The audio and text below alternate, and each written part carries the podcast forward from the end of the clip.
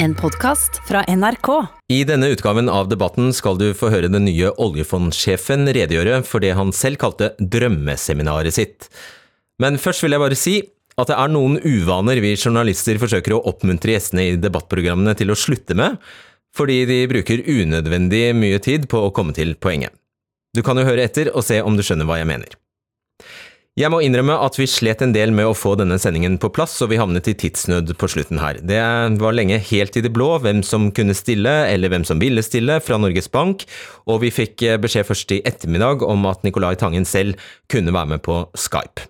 Vi har ringt og forsøkt å få kontakt med samtlige av de norske gjestene på seminaret, men til slutt var det bare Torbjørn Røe Isaksen og Henrik Syse som ville komme.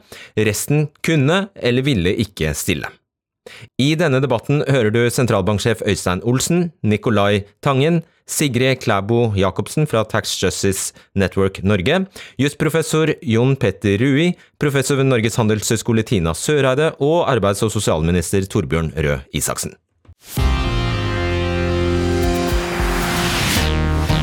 Knut Brundtland, Nicolai Tangens venn, sa om turen for 150 utvalgte personer til handelshøyskolen Wharton i Pennsylvania. Opplegget var helt utrolig. Det ble spandert, vi var invitert som gjester uten å betale noe selv. Det var usedvanlig raust. Og dette helt utrolige opplegget skal nå skattebetalerne punge ut for, etter at en rekke av deltakerne har endret reiseregningene sine i ettertid. Vel møtt til debatten. Og vel møtt til sentralbanksjef Øystein Olsen. Ikke minst velkommen til Nicolai Tangen, påtroppende sjef for oljefondet. Velkommen til deg. Takk. Starte med deg. Du er nettopp hjemvendt fra London, derfor sitter du i karantene i Oslo, har jeg forstått.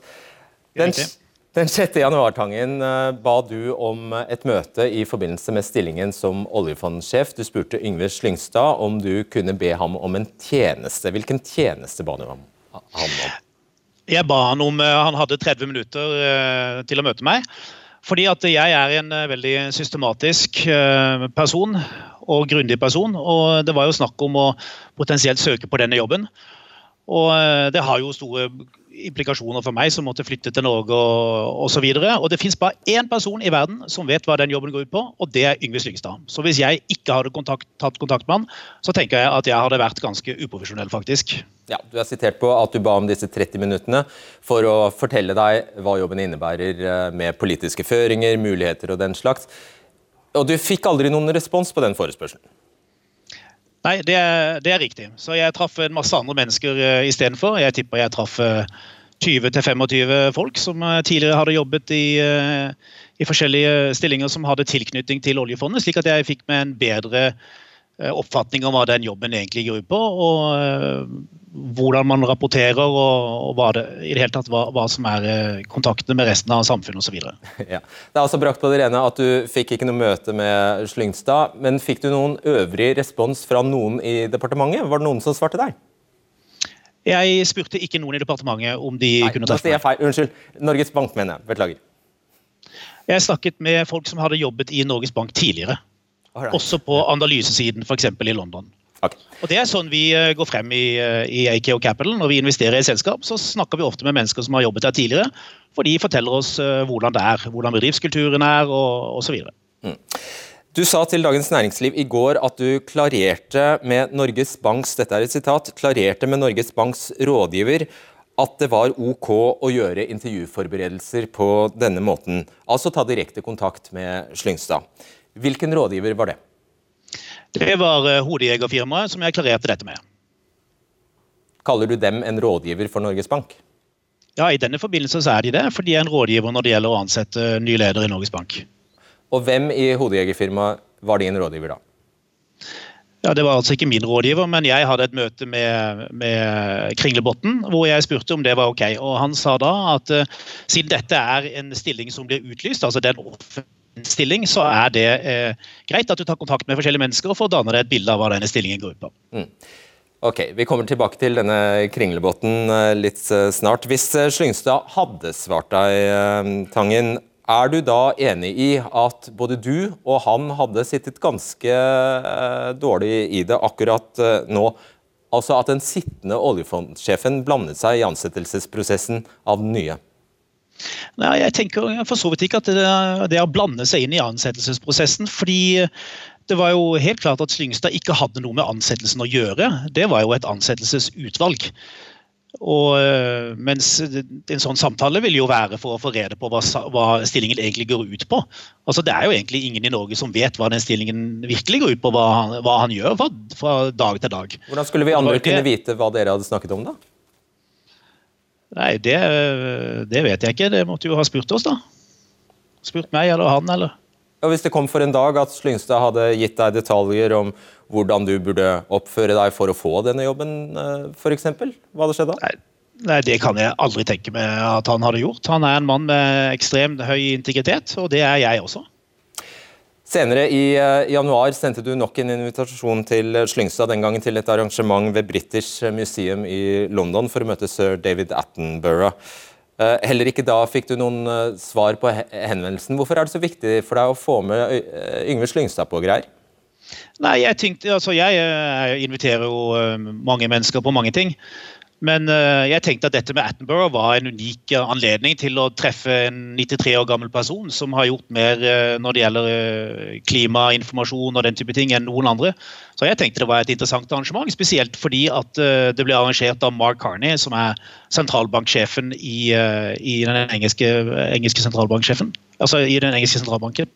Du og Yngve Slyngstad utveksler svært gemyttlige takksigelser til hverandre etter USA-konferansen din. Du skrev mail til Slyngstad der du takket for innsatsen og sa at eh, du ikke kunne gjort det uten ham. Du takket ham for at han var der, for hans tanker og for hans vennskap. og Slyngstad kvitterte med å skrive sitat, det var i alle ordets betydninger en usedvanlig helg. Hatten av for deg, og stor og hjertelig takk.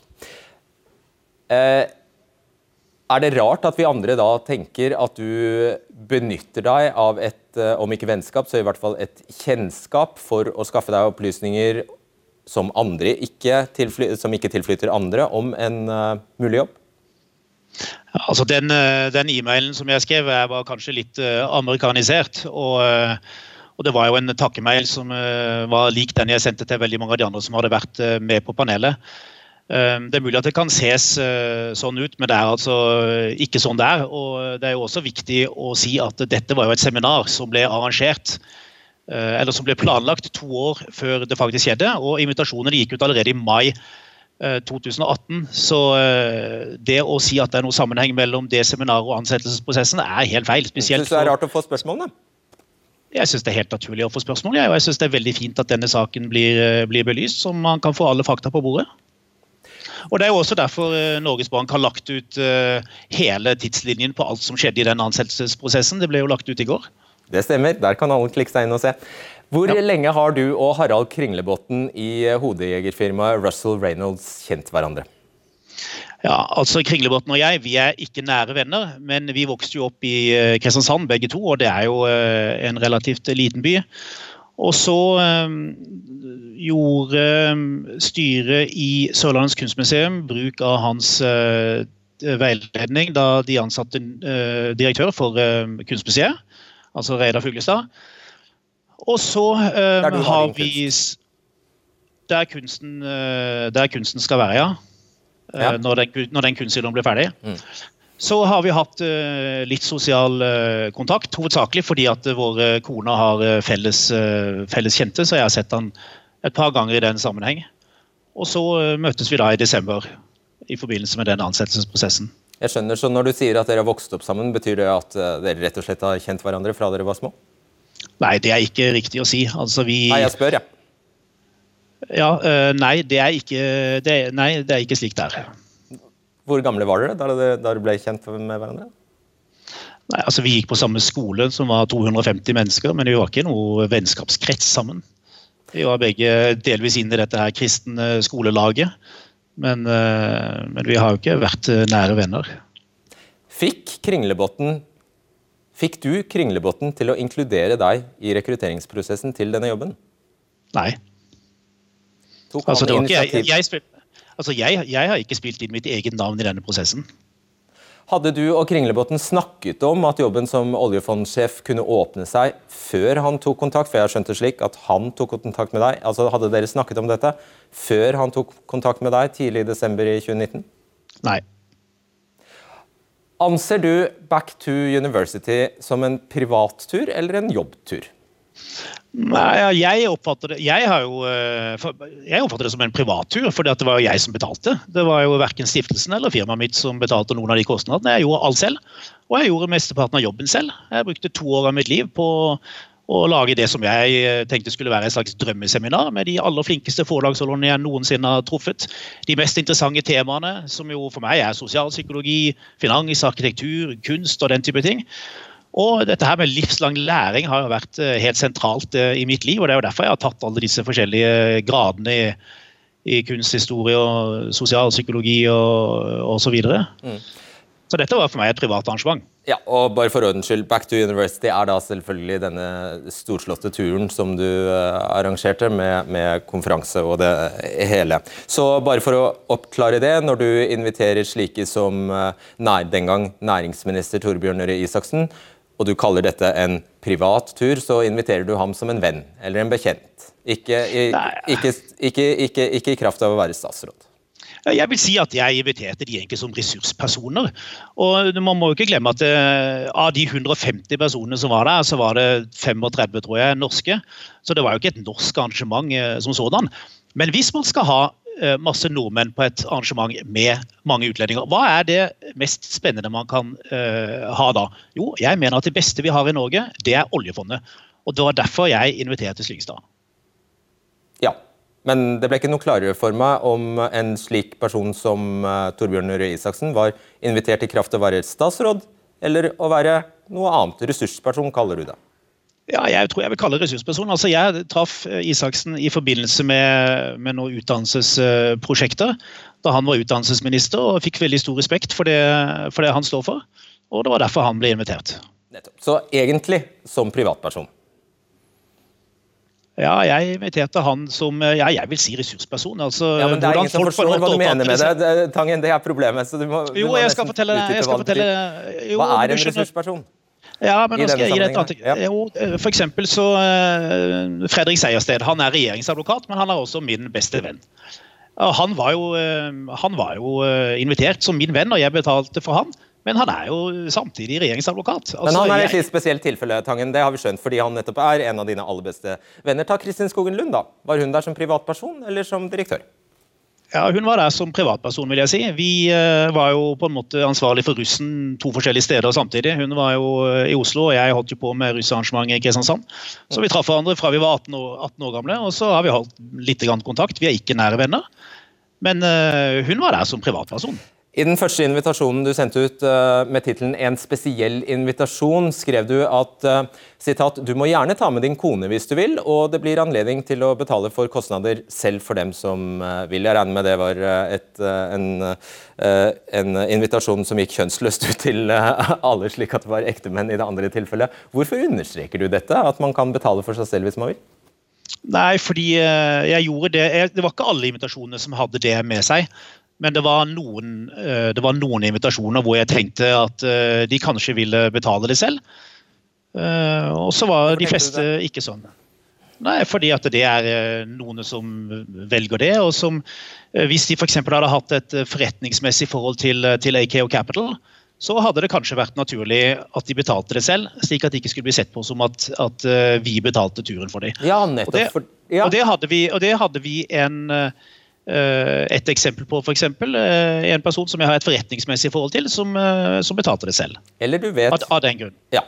Eller det kan jo ha vært fordi du også selvfølgelig vet at offentlig ansatte ikke har anledning til å ta imot gaver eller reiser eller hotellopphold eller bevertning eller andre fordeler som er egnet til, eller som av giverne er ment å påvirke det de gjør i jobbene sine, slik Erna Solberg har understreket Tangen.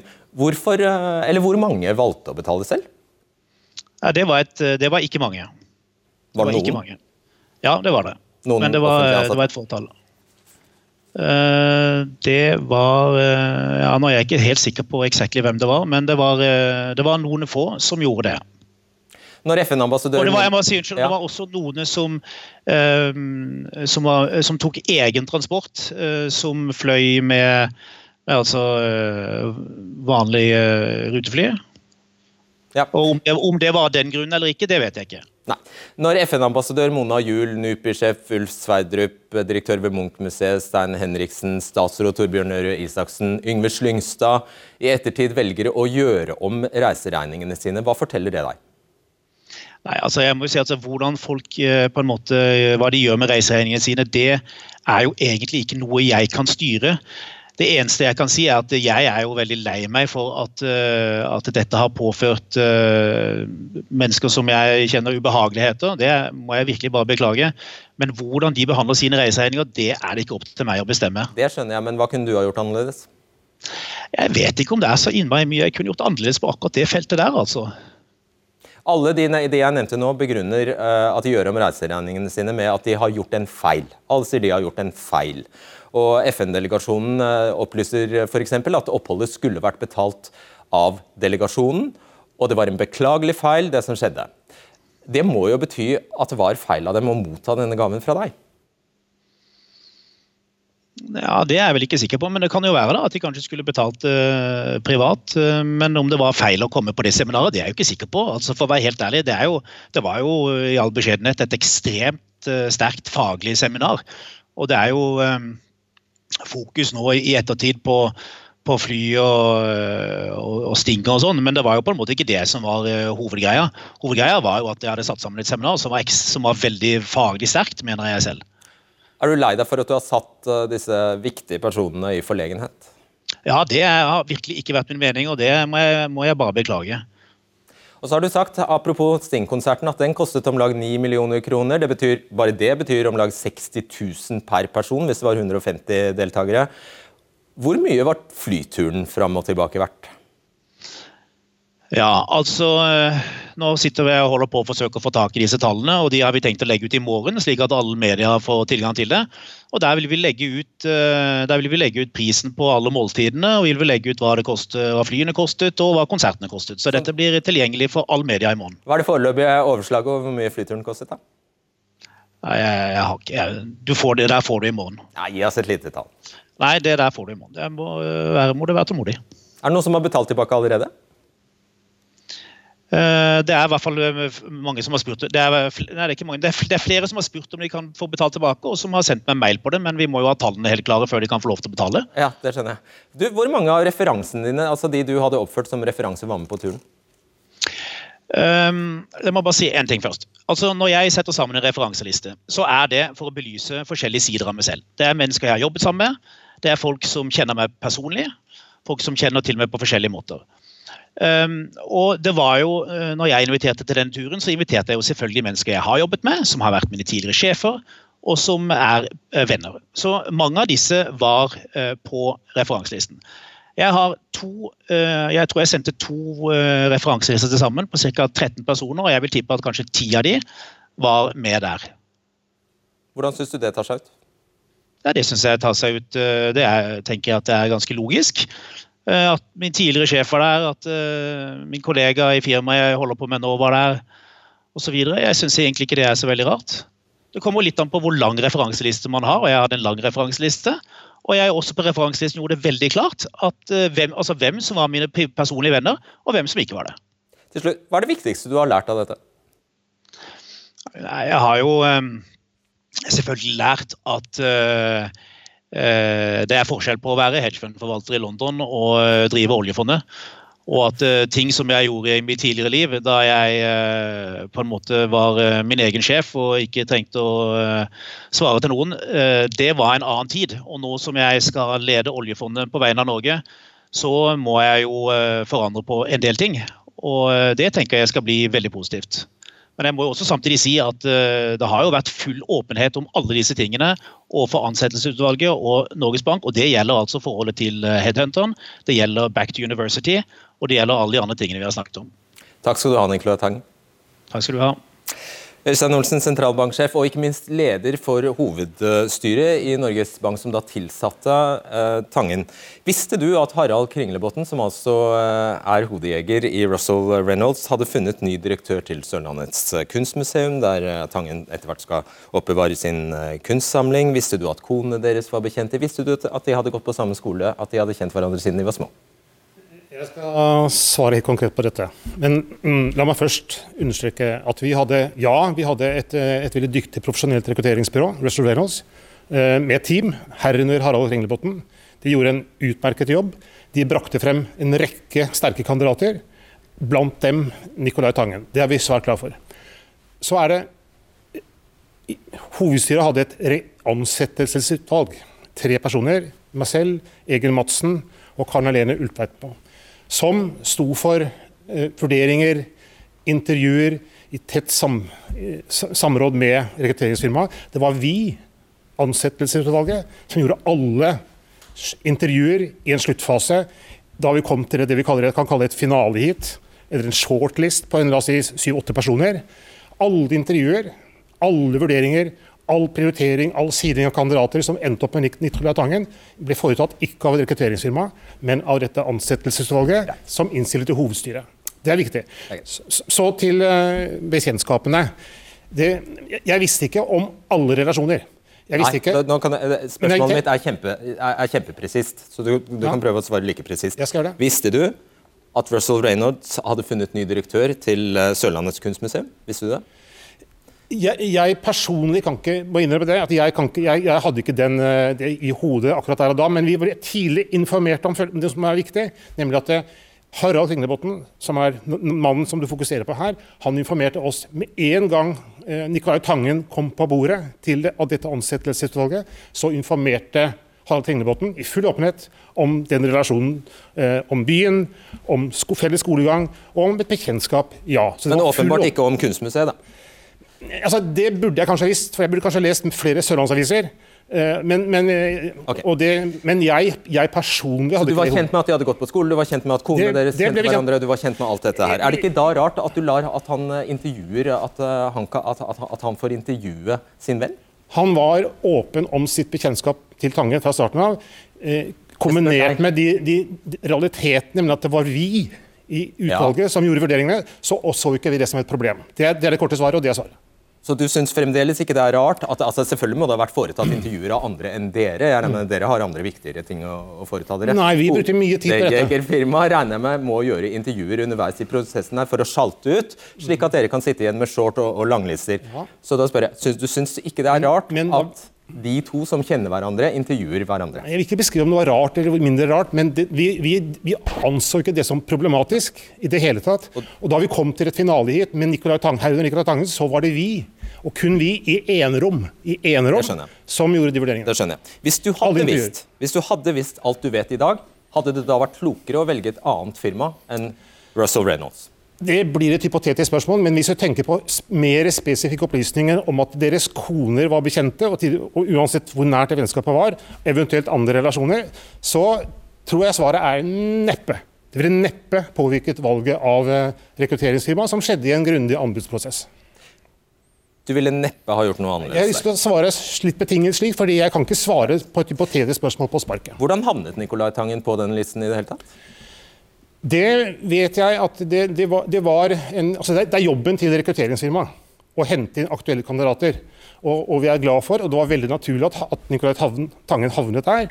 Eh, og jeg er blitt kjent med at det var, eh, det var eh, Russell Reynolds som tok kontakt med Som kjente åpenbart til, og det var bra, Nicolai Tangens kvalifikasjoner og kompetanse, og brakte han inn i vurderingene. Og Du er ikke engstelig for at det kunne ha skjedd, fordi de to kjente hverandre? Altså, Et rekrutteringsfirma lever vel, vel, lever vel av å, å, ha bekjentskaper, relasjoner, kjenne til aktuelle kandidater. Akkurat graden av bekjentskap i så måte er ikke avgjørende for, var ikke avgjørende for oss. Nå, på hvilket tidspunkt kom han inn i prosessen? Tangen? Han, han, var eh, tidlig inne i en, eh, i en ganske lang liste av, eh, av aktuelle kandidater til denne, denne, denne stillingen. ja, det var så vagt som man får det. Var det var, hvor tidlig da? Altså det, jeg, har lyst til å understreke, dere, Du refererte til en, en mailutveksling ja. mellom Yngve Slyngstad, eller fra Nicolai Tangen til Yngve Slyngstad. Det, det, det, var etter det, etter 6. Etter 6. januar. Så den kontakten Nicolai Tangen selv har redegjort for i forhold til å høre, få høre med Yngve Slyngstad om denne stillingen Hvis du spør meg om jeg syns det var problematisk, kan jeg svare på det. selv om du ikke har spurt om det. Eh, svaret er nei. Jeg, jeg synes faktisk Det var helt naturlig på et tidspunkt hvor Nicolai Tangen selv begynte å være interessert i en stilling, at det er naturlig å ta kontakt med en nåværende leder, daværende leder, nåværende leder for øvrig, for å høre om forhold rundt stillingen. Det hadde ingenting med med, med, vurderinger og prioriteringer mellom kandidater å gjøre. Og Det var lenge før vi var i nærheten av å ha Nicolai Tangen som en så aktuell kandidat på bordet som han viste seg å bli. Jeg skjønner. Selv om det da ville vært helt uh, ukjent for oss andre hva de to faktisk snakket om. Hvorfor havnet Tangens navn på søkerlista først dagen før han ble ansatt? Det, ja, det, jeg skjønner spørsmålet. Takk. Uh, vi har, vi, la meg først si at hele prosessen rundt var grundig, omfattende. Men Du kan ikke si at, var, la meg først si for hvert eneste spørsmål. Hvorfor, hvorfor skjedde det så sent? Vi, vi har erkjent i ettertid at vi hadde en offentlig søkerliste som ble publisert 21.2. Der var ikke Nicolai Tangens navn. Det var bakgrunnen for de spørsmålene. Så kom han inn på søkerlisten rett før tilsettingen. Ja. Det, det, er bakgrunnen for spørsmålet. Det, det, var nok litt sent. Ja, hvorfor? Ja, altså, vi, det, det, det, normale i sånne prosesser er at vi, vi, vi ja, Men hvorfor? Hvorfor? Men la meg forklare, da. Vi hadde en offentlig søkerliste. Så har jeg sagt at vi hadde flere kandidater, svært aktuelle kandidater. En av dem var Nicolai Tangen. Det var flere som ikke ønsket å stå på denne søkerlisten. Det er fullt mulig å komme inn i ettertid, selv om du ikke står på den opprinnelige søkerlisten. Det skjedde her, men vi har erkjent at det nok skjedde litt sent. Så han skulle kommet inn på et tidspunkt hvor han var en reell, virkelig reell søker. Så hvorfor skjedde det for sent? Det skjedde litt sent. Ja, Hvorfor skjedde det for sent? Ja, det, det, skal vi prøve å ettergå i våre tanker. og Vi har, vil, vil lære av dette. Men jeg kjenner at den prosessen der var ikke, var ikke helt optimal. Vi skulle ha tatt inn Nicolai Tangen. Og jeg, jeg, ja, nå, nå, forskutterer jeg det du eh, ville ha svart på neste spørsmål. for Jeg antar at grunnen til at dere se, eh, nå erkjenner at det ikke var så smart, kanskje, var jo fordi man holder seg med et institutt som offentlige søkerlister. Og hvis det bare er et narrespill, så er det jo ikke noe vits i. Ordet narrespill er helt feil. Det er helt vanlig i sånne prosesser. for det kan være, Vi hadde flere reelle søkere som av mange gode grunner ikke ønsker å stå på en offentlig søkerliste, fordi det er, det er noen relasjoner til nåværende jobb. Ja. Og Det er i tråd med retningslinjene. Men så er det også slik at vi burde ha tatt inn Nicolai Tangen på den søkerlisten, supplert den, og sannsynligvis kanskje offentliggjort dette noe før det vi gjorde. Yes. Du, bare til, uh, vi, må, vi, må, kjapt til, uh, fordi nå har jo dette endt med at Yngve Slyngstad, som dessverre ikke kan være til stede her i kveld, jeg vet ikke årsaken, men vi fikk beskjed om at han ikke kunne det, uh, han har bestemt seg for å betale tilbake sin del av reisen. og siden han ikke er her, men du er her, så får du svar på hvorfor det skjer. Det har vi et klart svar på. Yngve Slyngstad dro på denne, dette arrangementet i MBs medfør. Det var en klar definert jobbreise fra starten av. Han, han konsulterte meg om han skulle delta. Jeg visste ikke alle rammer rundt, eh, rundt arrangementet, men jeg kjente til programmet og hans rolle. Han reiser som, som, som, som innleder, som, deltak, aktiv deltaker. Og da når, man, når enten en sentralbanksjef eller en MBIM-sjef reiser og deltar med foredrag, så reiser man ikke som privatperson. Da reiser man i jobbsammenheng, og da er det jobben som betaler. Det er utgangspunktet. Skjønner. Hvorfor innså han det i går? Så har Yngve Slyngstad selv erkjent, og da er vi tilbake til rammene rundt arrangementet, hvor det gikk et fly. Yngve Slyngstad betaler hele reisen selv.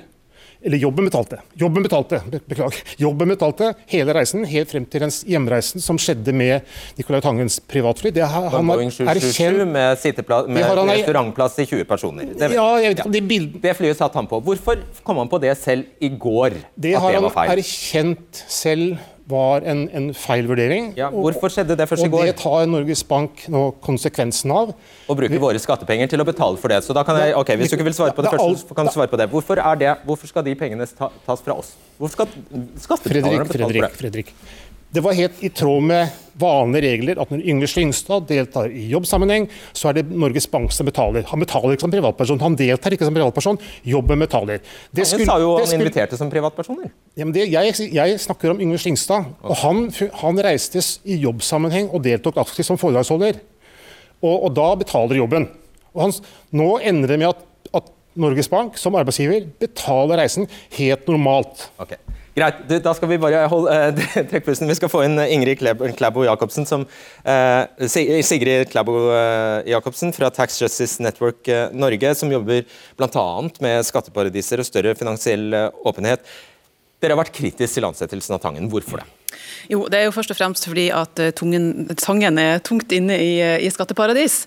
Eh, og med skatteparadis generelt så vet vi at eh, 10 av verdens eh, formuer er plassert der, og at eh, alle verdens land taper milliarder av skatteinntekter eh, på skatteparadis.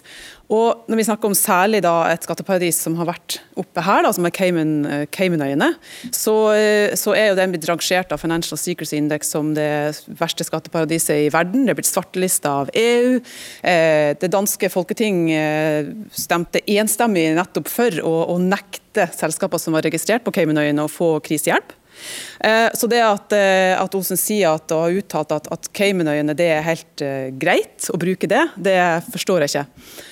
Og eh, Det som jeg også syns er litt underlig her, er at i alle andre samfunnsområder så blir jo høy risiko møtt med høy grad av kontroll.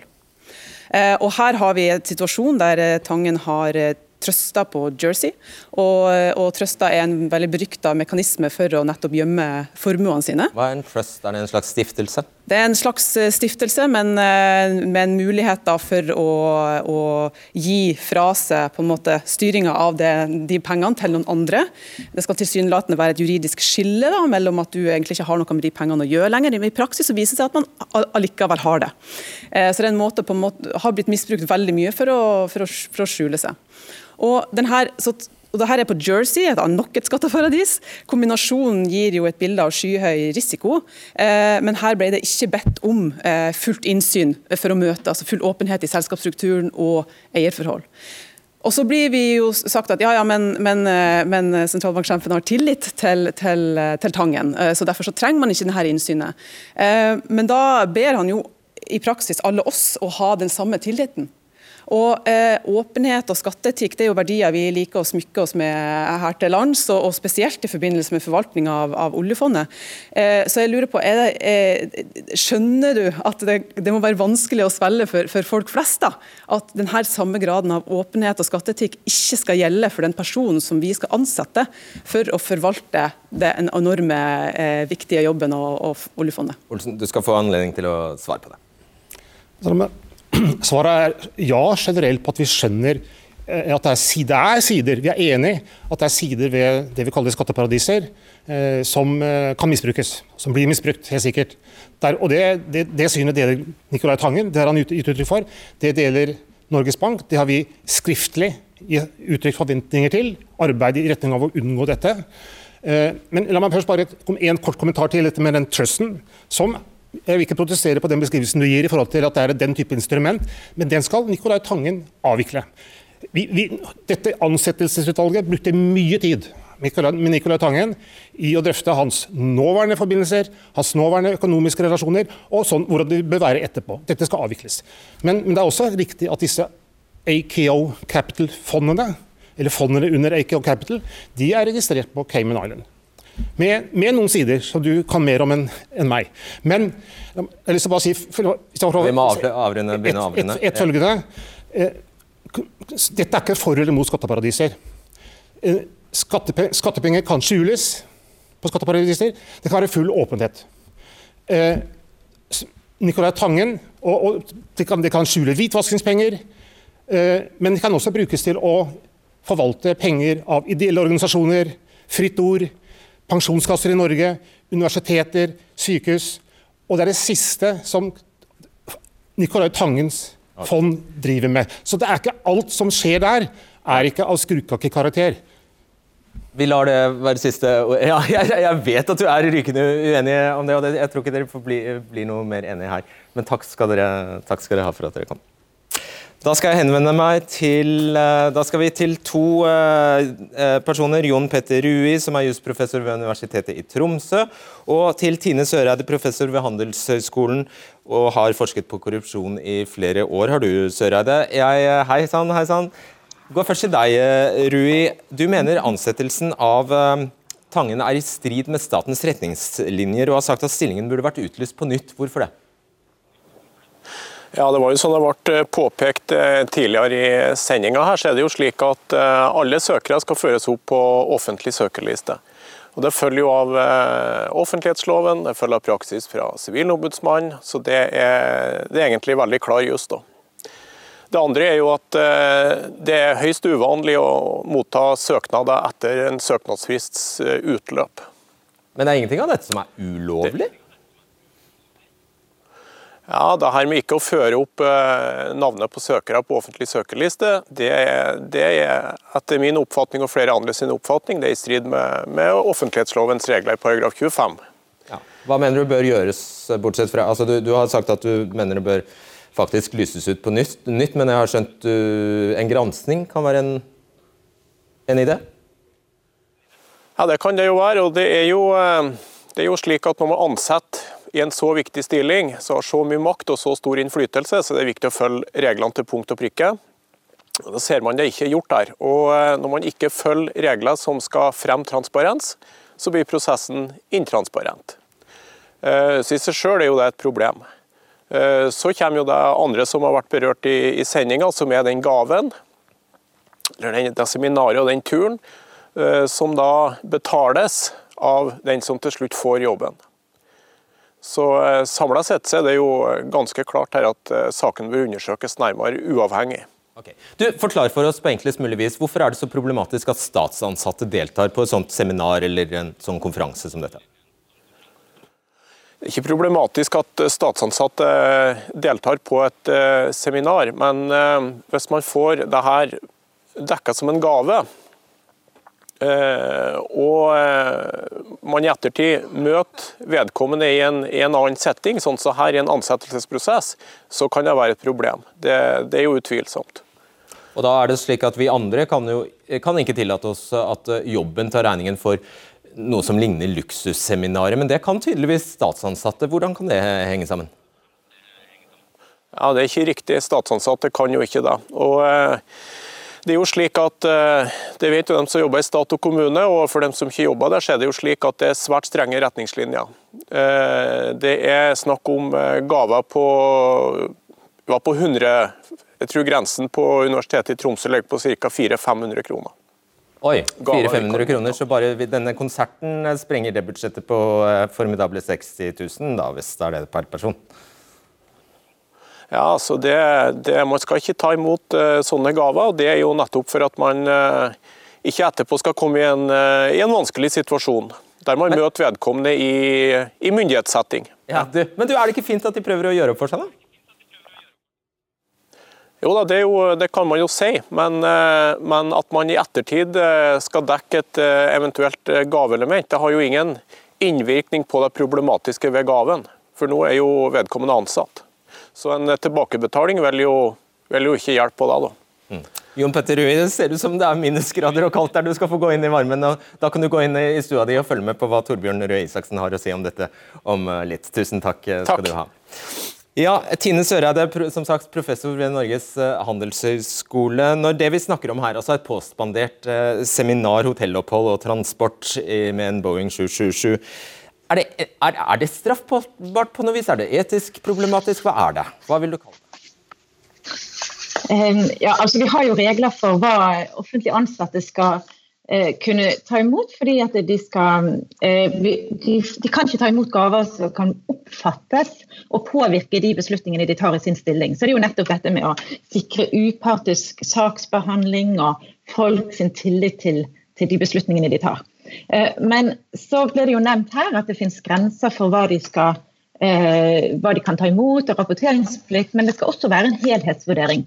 Og I den vurderingen så de, har de litt å si hvem de er, hvem de får noe fra, eh, om de får det som privat eller om de får det som, som i kraft av sin stilling. Og, og, hvem de er, da har det jo mye å si hvor mye tillit de har. Og, og hvem de får det fra, så kan det jo ha noe å si om det er noen som kan få store kommersielle fordeler av, eh, ut av beslutningene som de kan påvirke i sin stilling. Og så er det jo også sånn at det, det faktisk er mer tillitsvekkende hvis de tar imot en gave i kraft av sin stilling enn privat. Ja, Du har den problemet nettopp snudd på hodet da, i forhold til det vi snakker om, eh, om nå. Ja.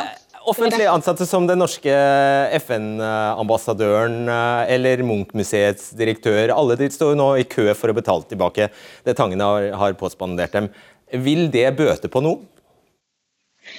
Nei, vet du hva, det er faktisk en misforståelse. fordi de reglene vi har om, om den vurderingen og, og, og, og, registrering og alt dette her, og hvem som skal betale, det er jo nettopp der fordi man skal beskytte skattebetalerne, sånn at ikke, skal, eh, at, ikke skal, at ikke statlige ansatte skal bruke pengene på noe som ikke er hensiktsmessig. Så hele vitsen er at den vurderingen skal gjøres før eh, før de reiser. Så det å gjøre det i ettertid, det kan godt hende at det er formelt riktig, men det er i hvert fall et brudd.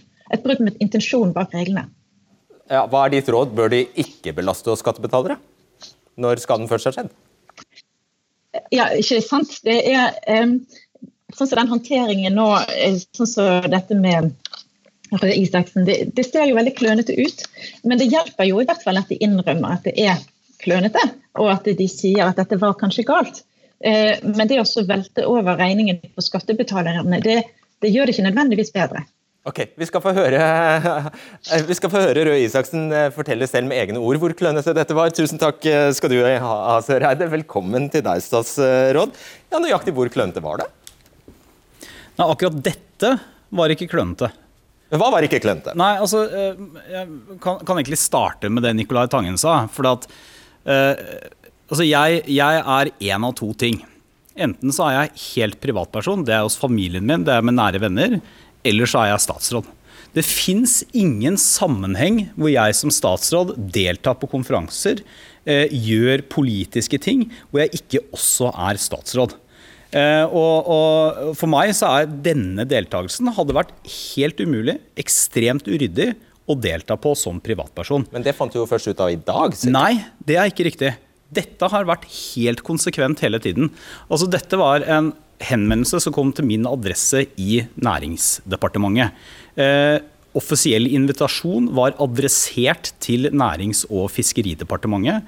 Det ble journalført på vanlig måte i Nærings- og fiskeridepartementet. og Det er ikke fordi det kommer som en tilfeldig e-post eller en feilsendt melding fra kona mi. Det er fordi det er en offisiell henvendelse. Det er ikke en invitasjon til en kaffekopp eller et eller annet privat ting. Det er en invitasjon til en konferanse. Det blir fulgt opp av embetsverket i Nærings- og fiskeridepartementet. Og det er ikke mitt private sekretariat på fritiden som, eh, som, pappa. Det er ansatte for å serve statsråden som leder i departementet. Det blir gjennomført som reise i tråd med helt vanlig regelverk. Det er at departementet betaler reise, departementet betaler opphold. Og Det er for øvrig også i tråd med regelverk at når man er på tjenestereise så, og deltar på f.eks. konferanser, så øh, betaler man ikke for de måltidene, men man leverer reiseregning, og så trekker man de fra ja, etterpå. Det er, så det er ikke denne delen som har vært uryddig, oss, men det som har vært gå, uryddig hvis delen, kan, La oss gå til den delen, hvis du har tid. Ja, for det, det, det, som, det, som, ikke har vært ryddig nok, og jeg syns jo egentlig Tangens eh, kommentarer her illustrerer det. Når jeg sier at jeg burde stilt flere spørsmål tidlig, så er det tidligere, så er det nettopp fordi at det har skapt en stor uklarhet, fordi at forskjellige folk har vært på denne konferansen med helt forskjellige roller. Eller forskjellige Noen... folk har vært på konferansen og kommet ut. Den ene har sagt jeg var på en fantastisk privattur. Ja. Den andre kommer ut ja. fra nøyaktig det samme arrangementet og sier jeg har vært på en veldig interessant ja. jobbtur. Jo, det men, men, gjør det forvirrende. Og, og, nettopp, og det skjønner jeg veldig godt at folk syns er forvirrende. Eh, og jeg tror nok dette har opphav i en veldig enkel ting, og det er at de som har vært på konferansen her, har et veldig forskjellig forhold til Nicolai Tangen. Her er det folk som har vært hans forlover og fadder. De er nære private venner. Det er folk som aldri har møtt ham før. Nå må jeg sveive deg tilbake til, ja, til disse pengene, altså. fordi Denne middagen og denne konserten, det er det du nå har angret deg. Nå har du altså sagt at staten eller departementet skal ta den regningen for dine måltider og ja, for måltidene, ikke sant? Men, men Hvorfor være, det? Ja, for å være helt presis der. Altså, jeg har ikke angret, og jeg har heller ikke endret på min reiseregning. Så det jeg har gjort, er at eh, jeg har fulgt reglementet. Når jeg er på jobbreise og tjenestereise, og det er den eneste måten jeg reiser på utlandet hvis ikke jeg er på helt privat ferie, så er det sånn at når jeg er på en konferanse, og det er jeg stadig vekk, særlig som næringsminister. Er på middager, eh, representerer, møter internasjonalt næringsliv. Det er en del av jobben. Ofte er det også underholdning. Så er det en del av arbeidet med å være til stede på konferansen. Sånn er det ifølge reglene. Så når jeg nå har sagt at eh, for ordens skyld så skal departementet også eh, få regningen for måltidene, så er ikke det fordi at jeg har gjort en feil der. Det er rett og slett en skjønnsvurdering fordi at det har kommet så mange spørsmål rundt dette arrangementet i ettertid. Okay. Så er det andre ting jeg har tatt selvkritikk på, bl.a. at jeg burde stilt flere spørsmål. Og at jeg burde vært enda klarere, eller ikke bare enda klarere, jeg burde registrert dette i Stortingets register for verv og økonomiske interesser tidligere. Ja, for det, gjorde du ikke.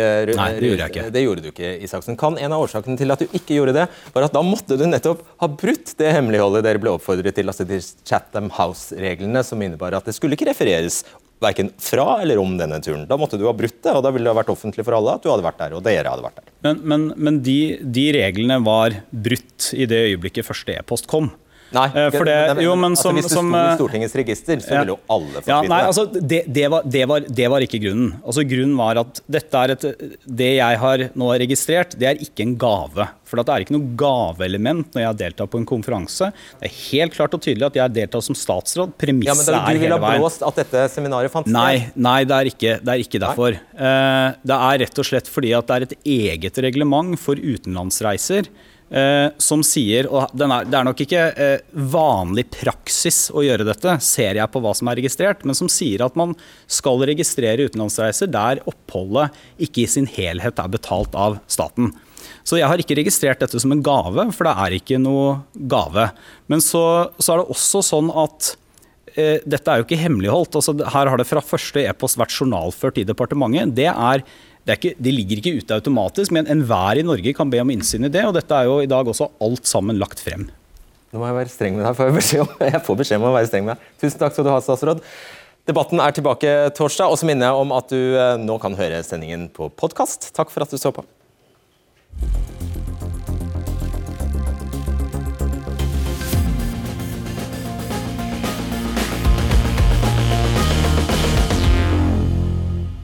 Jeg forsøker å kvitte meg med uvanen og sjekke sosiale medier rett etter sending. Stort sett eh, så fører det ikke til noe godt å gjøre det. Men eh, jeg har nå rukket å få med meg en del veldig positive tilbakemeldinger om at eh, vi gjør jobben vår som stiller spørsmål og sånt noe, men så har jeg også fått med meg mailer som denne fra Brede. Han skriver Jeg synes ofte du leder debattprogram på NRK på en god måte. Din forestilling i kveld, fram til klokka 21.55, synes jeg imidlertid var ynkelig, for ikke å si patetisk.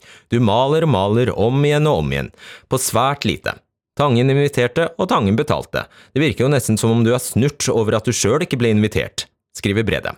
Vel, Brede, jeg kan fortelle deg at jeg er veldig fornøyd med livet mitt, og ikke minst med å kunne belyse såpass viktige ting som hvordan ressurspersoner, som Tangen selv kaller det, samhandler. Du har hørt en podkast fra NRK. Hør flere podkaster og din NRK-kanal i appen NRK Radio.